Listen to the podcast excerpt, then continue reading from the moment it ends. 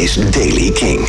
Nieuws over de 1975, supersterren, Korn, Evanescence en nieuwe muziek van Volbeat. Dit is de Daily Kink van maandag 13 mei. Matt Healy van de 1975 heeft via Twitter op interessante manier laten weten dat hij in hetzelfde hotel zit als de K-pop supergroep BTS. Kennelijk in kamers naast elkaar. De tweet luidde als volgt.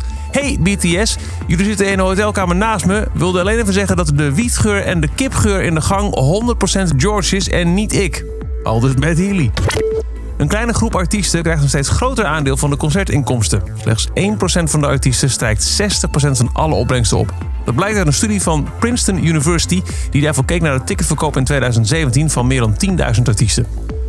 Volgens Express Business, dat de studie heeft gepubliceerd, is het aandeel de afgelopen drie decennia verdubbeld. Begin jaren 80 kregen de meest verdienende artiesten namelijk slechts 26 de muziek, zo zegt hoofdonderzoeker Alan Kruger, heeft zijn middensector verloren.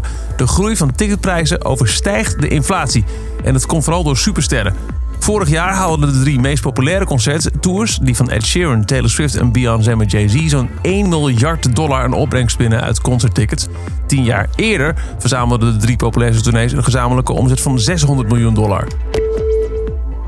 Brian Head Welsh, de gitarist van Korn, heeft wat meer verteld over het nieuwe album. Het wordt episch, zo belooft hij. Ik heb Jonathan Davis, de frontman, nog nooit zo hard aan een plaat zien werken sinds Untouchables. Hij is altijd betrokken, begrijp me niet verkeerd, maar er is een andere passie omdat hij veel heeft meegemaakt vorig jaar. Tijd, energie en pijn en hij stopt het er allemaal in. Tevens vertelde Brian dat de band nog aan het discussiëren is met een label over een release datum, dus die is nog onbekend. En er is ook wat geroepen over het nieuwe album van Evanescence. Emily heeft in een interview gezegd... Ja, we hebben al eens eerder geroepen 2019 gaan we focussen op nieuwe muziek... maar een specifieke tijdlijn had de band nooit bekendgemaakt.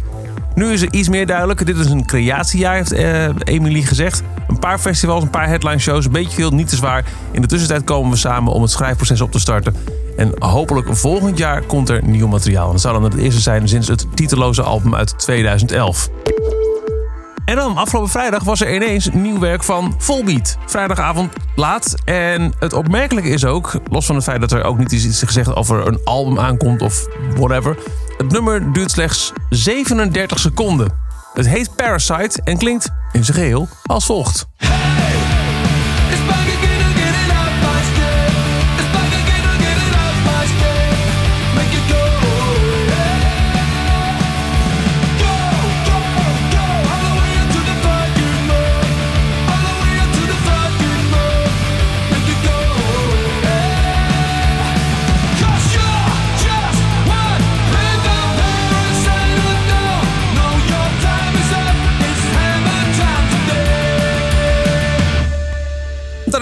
Of het een deel is van een later volledig nummer of dat het echt alles is, geen idee. Maar dit is het nieuwe muziek van Volbeat, Parasite. En tot zover ook de Daily Kink. Elke dag in een paar minuten helemaal bij met het laatste muzieknieuws en de nieuwste releases. Mis niks. Luister de Daily Kink dag in dag uit via je favoriete podcast app, Spotify, het Kink-kanaal op Deezer of natuurlijk via kink.nl.